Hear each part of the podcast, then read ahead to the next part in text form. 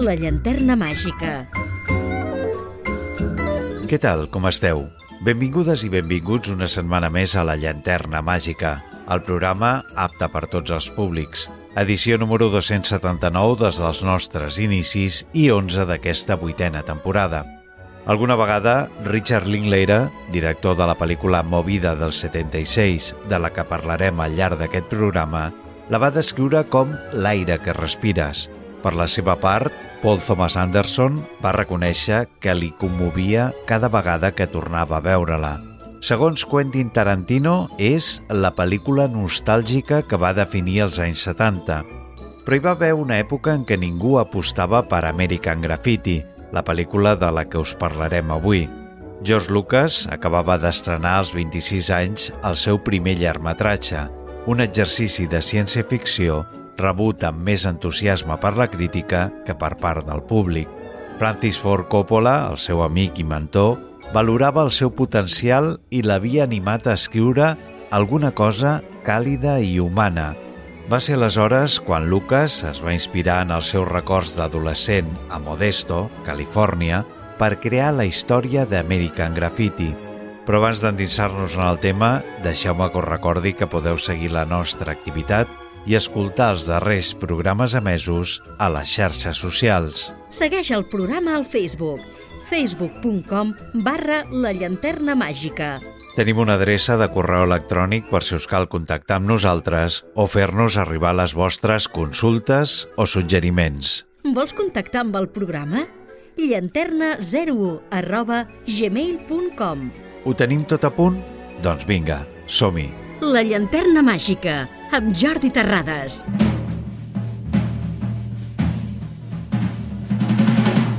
Ha tingut els seus punts forts i febles, però és difícil retreure-li a George Lucas tot el que ens ha ofert amb sagues com Star Wars o Indiana Jones, pel·lícules que encara avui en dia segueixen sent font d'entreteniment per a molts cinèfils.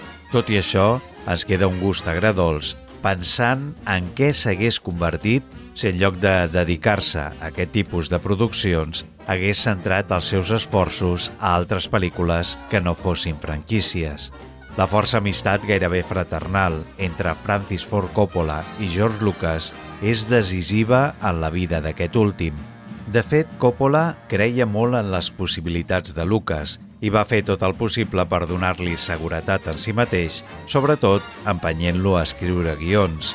Les seves personalitats, no obstant, són totalment oposades. Josh Lucas és tan introvertit, fràgil, prudent i maniàtic del control, com Coppola és extravertit, fort, atrevit i li agrada delegar. Let's go surfing now. Everybody's learning how. Come on a safari with me.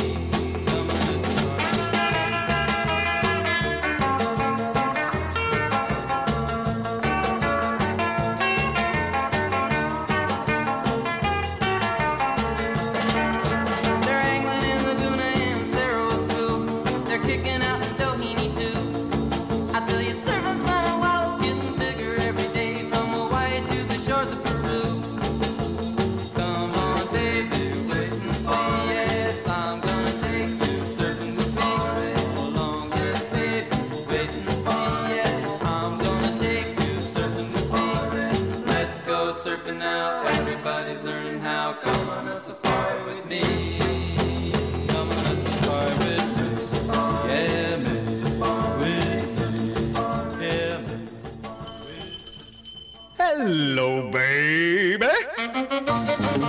Yeah, this is the Big Bopper speaking. oh, you sweet thing. Do I want? Will I want? Oh, baby, you know what I like. Chantilly lace and a pretty face and a ponytail hanging down, a wiggle in the walk and a giggle in the talk.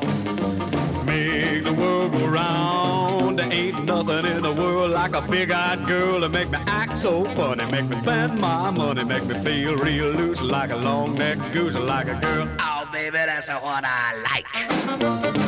What's that, baby? But, but, but, oh, honey.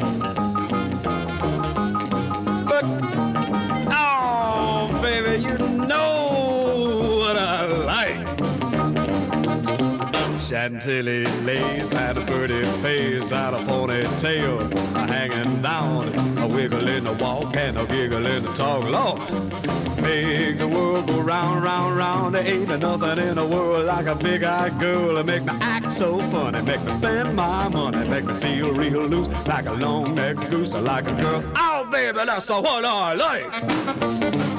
What's that, honey? Pick you up at eight and don't be late. But baby, I ain't got no money, honey. oh, all right, honey, you know what I like. Chantilly lace and a pretty face, ponytail hanging down, a wiggle in the walk and a giggle in the talk. Lord, make the world go round. There ain't nothing in the world like a big-eyed girl to make me act so funny, make me spend my money, make me feel real loose like a long-necked goose, like a girl. Oh, baby, that's what I like. Al mes de maig de 1969, i per tal d'obtenir una certa independència de la Warner Bros., Coppola i Lucas van fundar a San Francisco la seva pròpia productora, American Zoetrope. Lucas és nomenat vicepresident executiu. Tot i això, sembla que les visions de Lucas i Coppola difereixen des del principi respecte a la gestió de l'empresa. Mentre Lucas la veu com una manera de redescobrir l'ambient i el món del treball amable que va experimentar a la universitat, Coppola tendeix a convertir-la en una major alternativa. Per la seva primera producció, la companyia va planejar adaptar el curt Electronic Labyrinth en un llargmetratge anomenat THX 1138. Warner Bros. va acceptar coproduir el projecte i va deixar 300.000 dòlars a la jove empresa. Amb un pressupost de gairebé 800.000, Lucas roda el seu primer llargmetratge, però la visualització prèvia a l'estrena oficial va ser catastròfica, tant que la productora va exigir la devolució dels diners avançats. Davant aquest endeutament, Coppola es va resignar a dirigir el padrí per la Paramount mentre Lucas va decidir fundar la seva pròpia companyia, Lucasfilm. I wonder, wonder who, who, who, who wrote the book of love.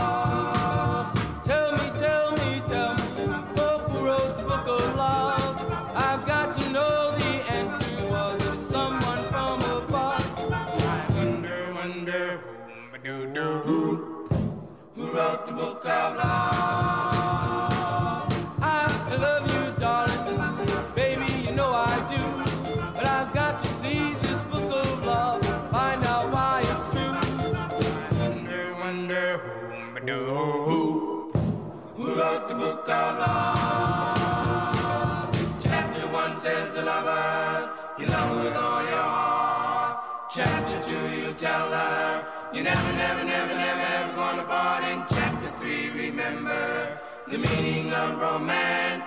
In chapter four, you break up, but you give her just one more chance. Oh, I wonder, wonder who, do, who, who wrote the book of love? Baby, baby, baby, I love you, yes I do. Well, it says so in this book of love, ours is the one that's true. I wonder, wonder who, who, who wrote the book of love?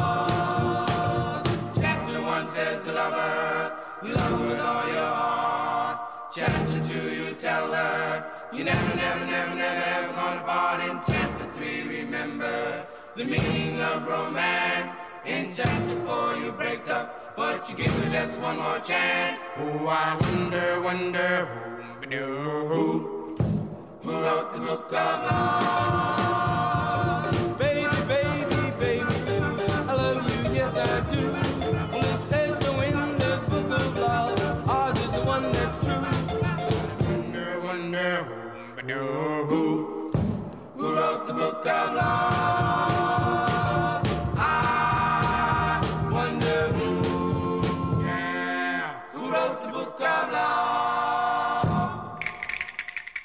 La llanterna màgica.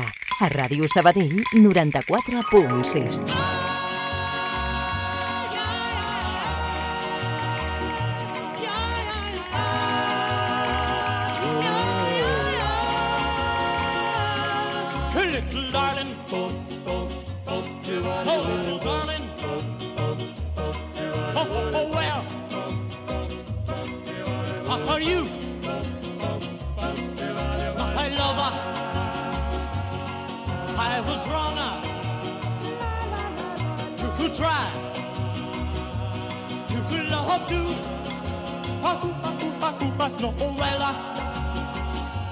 that my lover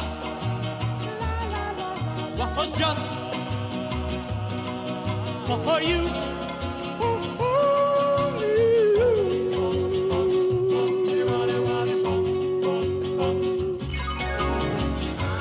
My darling, I need you to call my own and never do wrong. Hold in mine your little hand. I'll know too soon that all is so grand. Please hold my hand. My head get up. I was wrong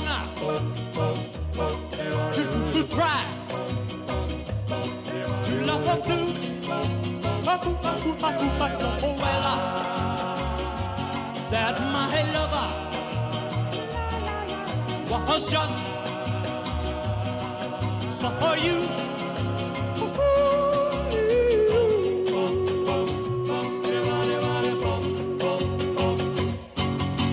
THX 1138 va ser llavors muntada per Rudy Fair a petició de la Warner i estrenada a les sales de projecció dels Estats Units el mes de març de 1971, amb un èxit de crítica relatiu.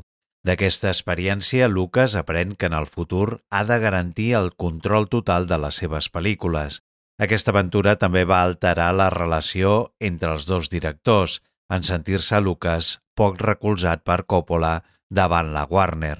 A finals de 1971, Lucas va signar un acord amb la Universal Pictures per al finançament de dues pel·lícules. La primera es deia American Graffiti i la segona havia de ser un film de ciència-ficció encara sense nom. Ned Tannen, productor de Universal, va oferir a Lucas escollir un productor executiu per American Graffiti d'una llista on també figurava el nom de Francis Ford Coppola. Malgrat estar distanciats, Lucas el va triar. També va contractar el seu amic Haskell Wessler com a director de fotografia. El rodatge, que es va iniciar el 26 de juny de 1972, va durar 29 dies. Dum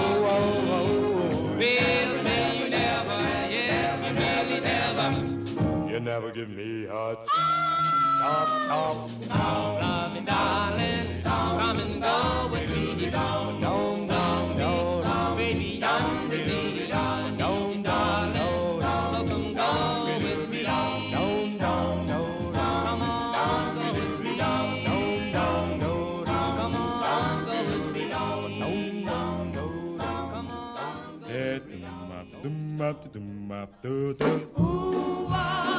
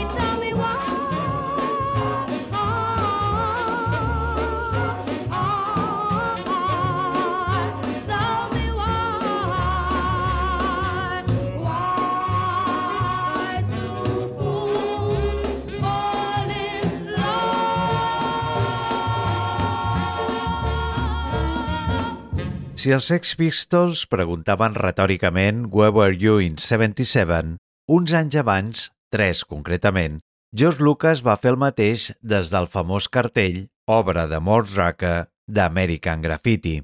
On estaves l'any 62? Ubicant cronològicament l'acció del film en un moment de canvi de la societat nord-americana i, per extensió, d'Occident – si l'historiador Eric Huxbaum situa l'inici del curs segle XX, l'any 1914, la pel·lícula allarga el fulgor dels 50s fins l'última nit d'estiu de 1962. Amb la tardor va arribar la crisi dels míssils i l'empitjorament de la Guerra Freda. L'any següent van assassinar Kennedy i el Vietnam es va convertir en el pitjor malson de Nord-Amèrica.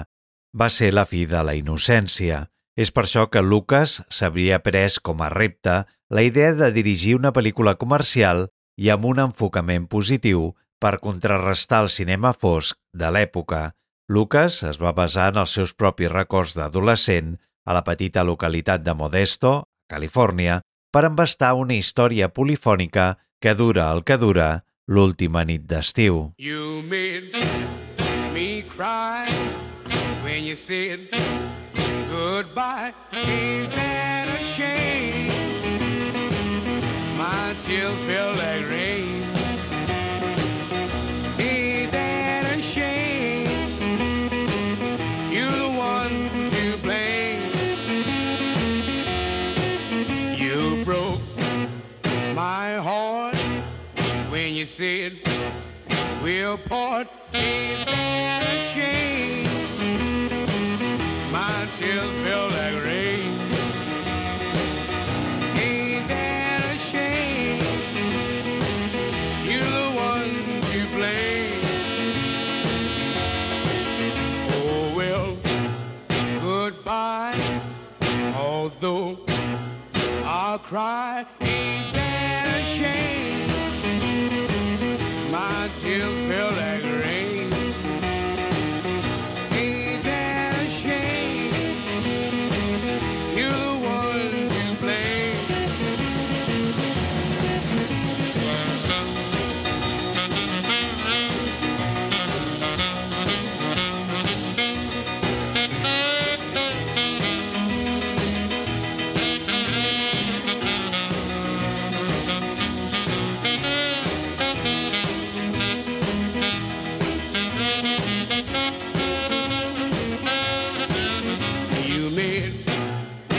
cry when you said goodbye. Ain't that a shame?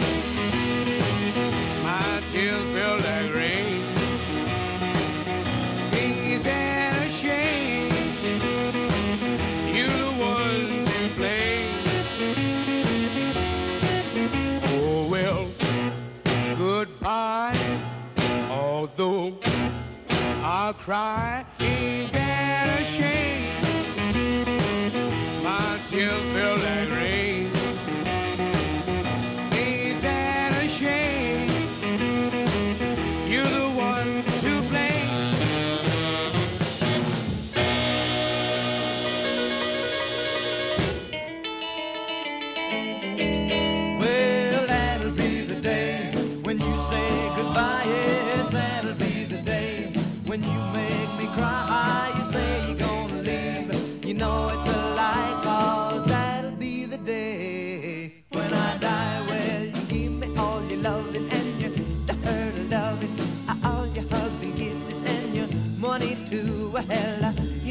You love me, baby. Still, you tell me maybe that someday, well, I'll be through. Well, that'll be the day when you say goodbye. Yes, that'll be the day when you make me cry. You say you're gonna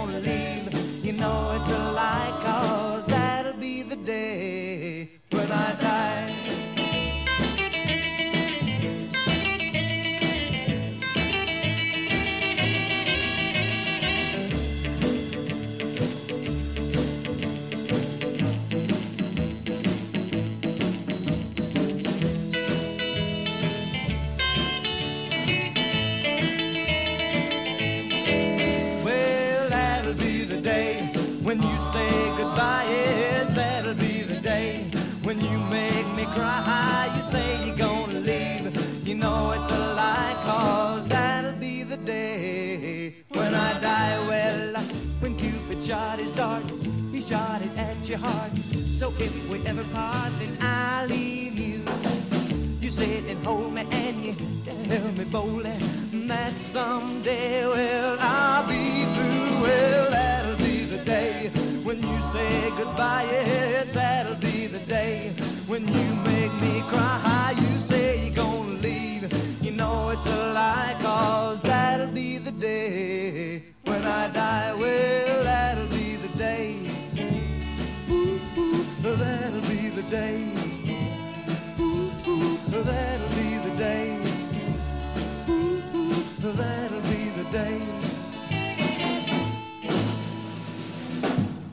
d'adolescents ha de decidir què ha de fer amb les seves vides entre dubtes i no poques pors.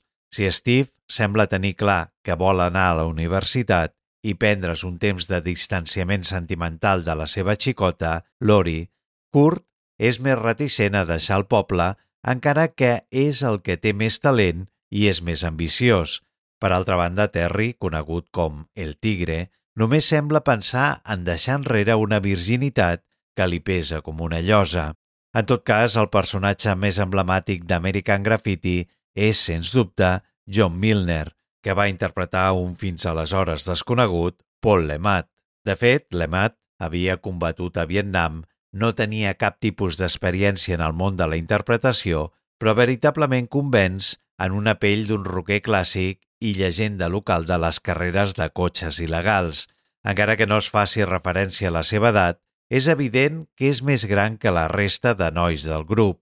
Té pinta de ter repetidor de curs i la seva estètica recorda a la de James Dean a Rebelde sin causa amb algun toc del Marlon Brando de Salvaje. Malgrat mantenir la postura granítica del tipus dur, és conscient de que el seu temps s'està acabant i que forma part d'una època passada, com el seu mític Ford Coupé trucat de 1936. Això sí, encara és capaç de vèncer una carrera a Harrison Ford que encara li faltava carretera per convertir-se en Han Solo. My love must be a kind of blind love. I can't see anyone but you.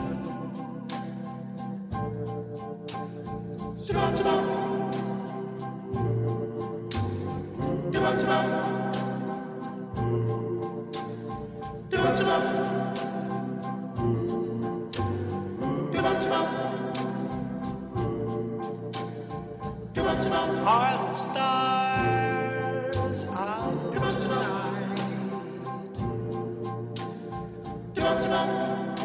don't know if it's cloudy or bright.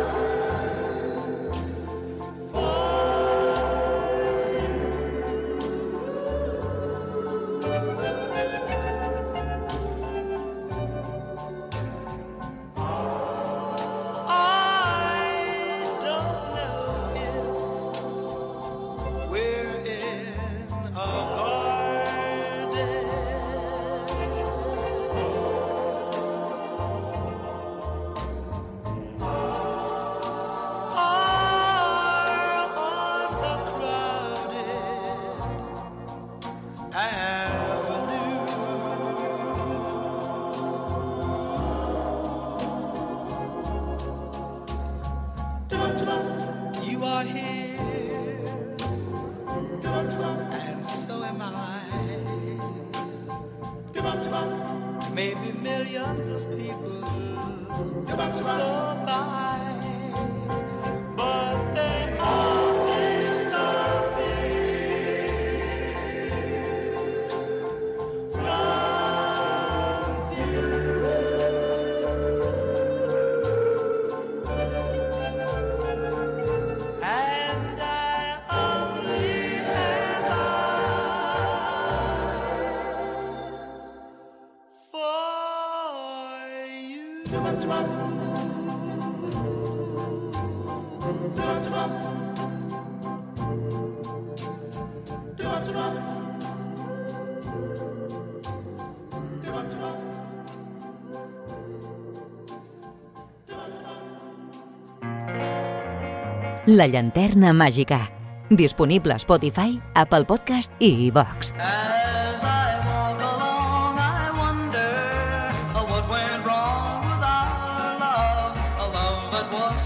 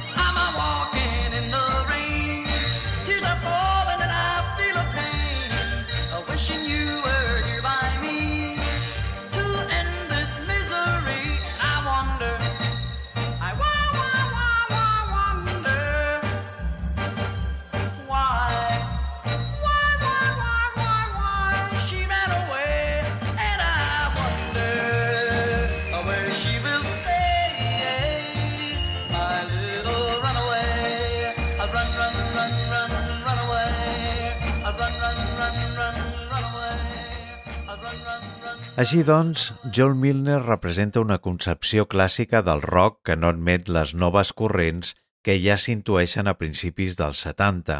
Encara no s'ha produït el desembarcament del so british i la revolució beat, però ja hi ha evidències del desgast de la tropa pionera del rock and roll. D'alguna manera, la música s'erigeix com un personatge més del film gràcies a DJ Wolfgang Jack, que interpreta a un misteriós locutor amb el mateix nom que emet des d'una emissora pirata i que funciona com un narrador de les diferents històries del film. American Graffiti s'obre amb la versió de Bill Holey del Rock Around the Clock, el primer gran èxit comercial del rock, i es tanca amb All Summer Long dels Beach Boys.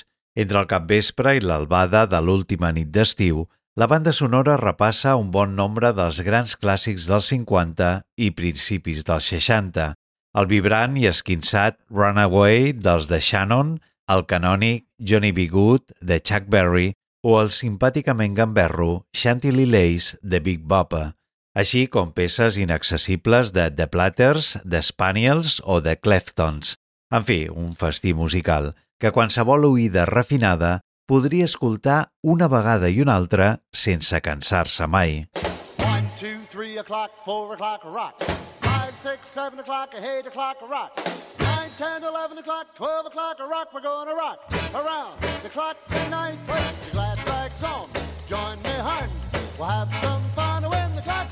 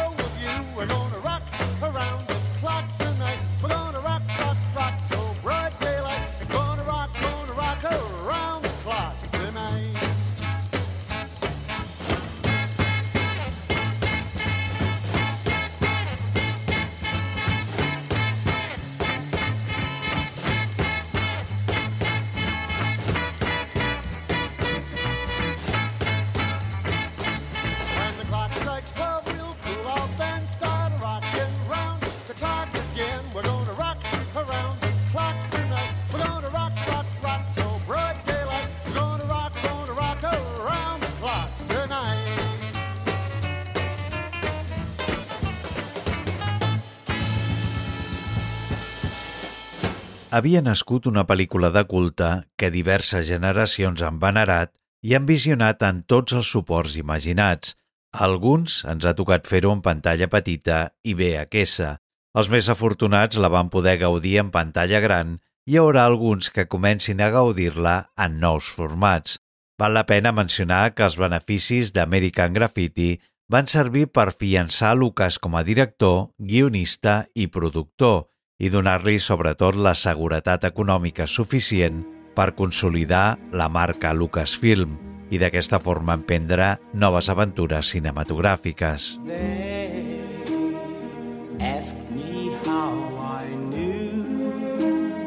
My true love was true.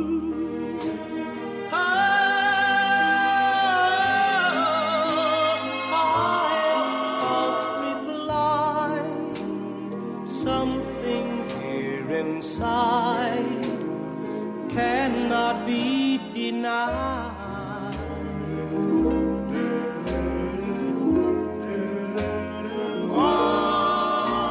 They said someday you'll find all who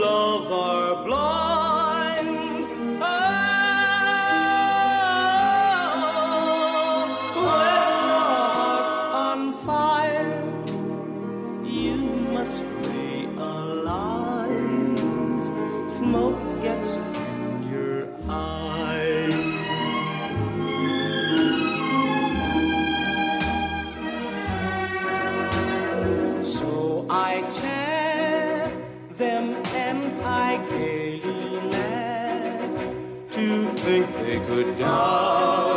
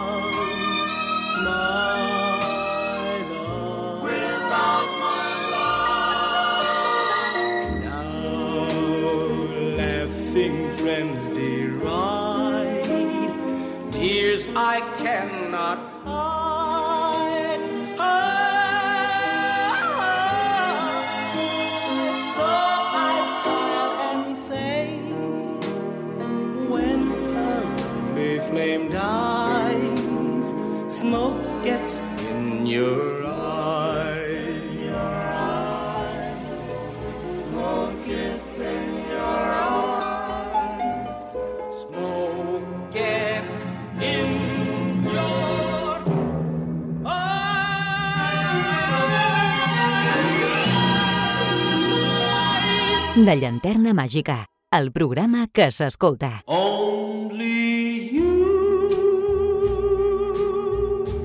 can make all this world seem right. Only you can make the darkness bright.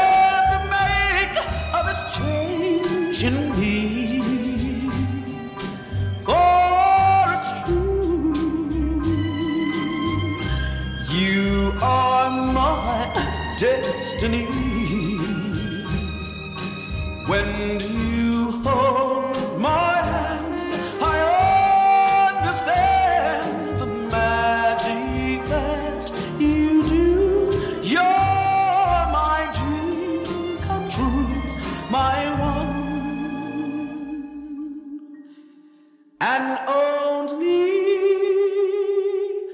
you.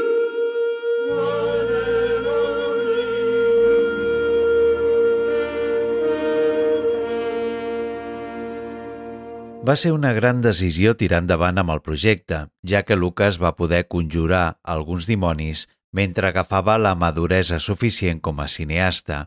El seu relat de vides creuades i nits per recordar resulta ser altament influent per a cintes posteriors com Movida del 76, de Richard Linklater, on es relata el darrer dia de classe dels estudiants d'un institut l'any 1976, o Superempollones d'Olivia Wilde, on dues excel·lents estudiants i grans amigues, el dia abans de la seva graduació, s'adonen de que podrien haver-se esforçat una mica menys a classe i haver-s'ho passat millor. Així que decideixen prendre mesures per recuperar els anys perduts en una nit boja. A més, American Graffiti va suposar un bon aparador per a descobrir talents com el de Richard Dreyfuss, Ron Howard o Harrison Ford, que té aquí la gran oportunitat després de realitzar algunes aparicions menors a cinema i a televisió. Després de la seva aparició a American Graffiti, Ford treballaria freqüentment en Coppola i li donarien els papers de Han Solo i Indiana Jones que el van catapultar a l'estrellat. Ba ba ba ba ba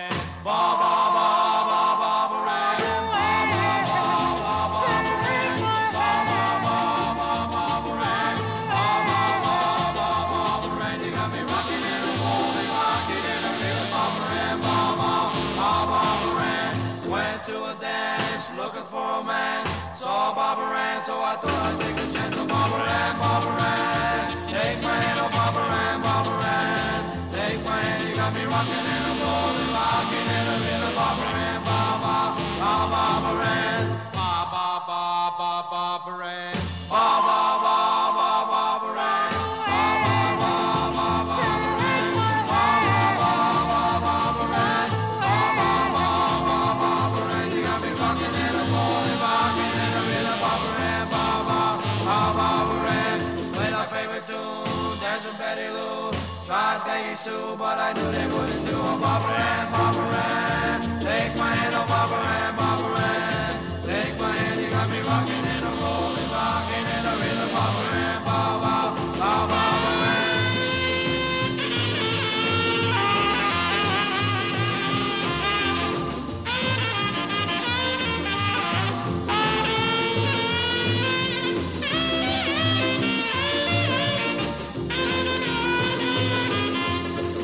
favorite tune, danced with Betty Lou.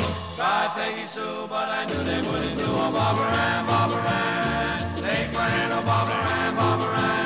Take my hand, you got me rocking and a rolling, rocking and a rhythm, Barbara Ann, ba ba ba Barbara Ann,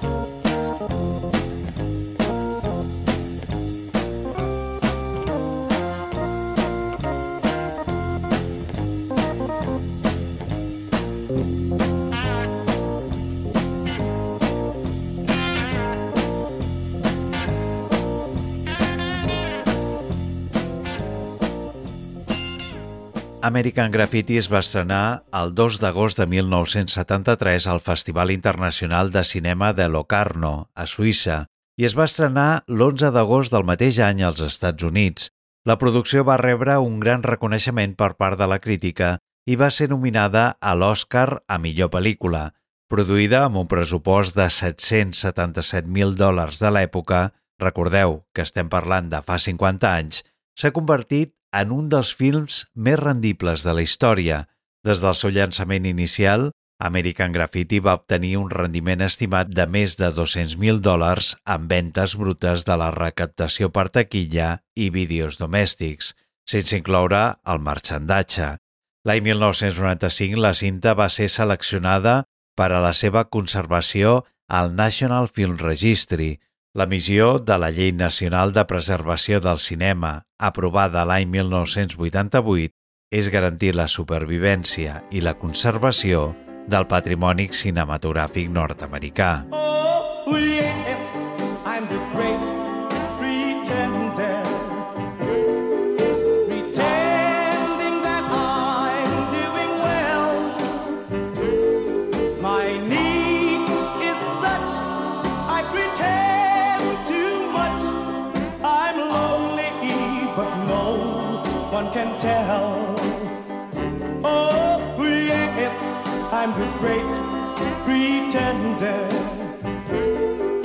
a dream.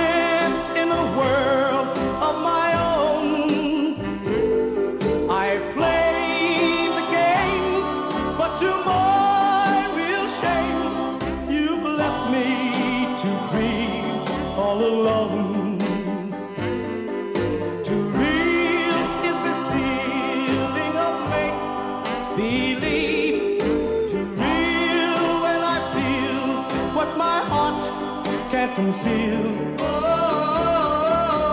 yes, I'm the great pretender. Just laughing and gay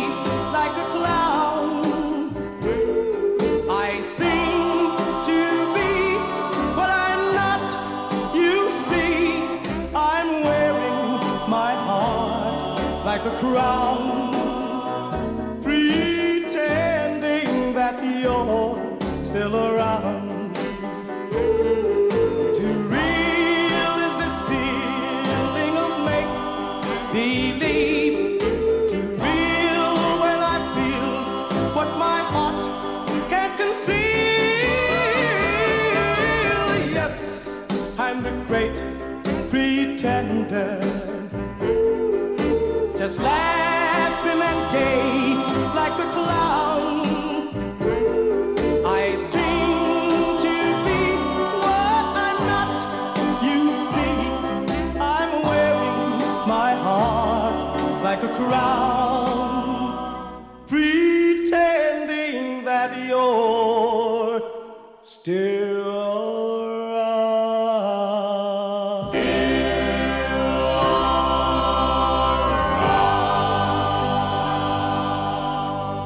Universal va reeditar American Graffiti el 26 de maig de 1978 amb so Dolby, recaptant 63 milions de dòlars addicionals als 55 que ja havia ingressat només a taquilla a la seva primera estrena l'any 1973.